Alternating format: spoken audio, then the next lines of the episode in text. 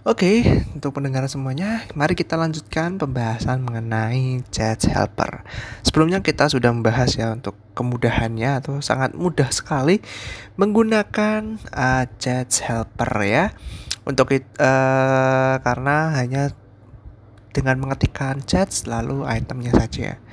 Kita masuk ya, jadi jika kita memberikan lari atau script pasangan, kunci atau nilai dan waktu kadaluarsa untuk fungsi tersebut, ini akan menyimpan nilai dalam chat selama durasi yang ditentukan. Contohnya, chat dalam kurung kurung dalam kurung siku lagi key anak panah sama dengan value koma dolar second atau menggunakan no uh, dalam uh, anak panah add minutes dalam kurung 10 ya.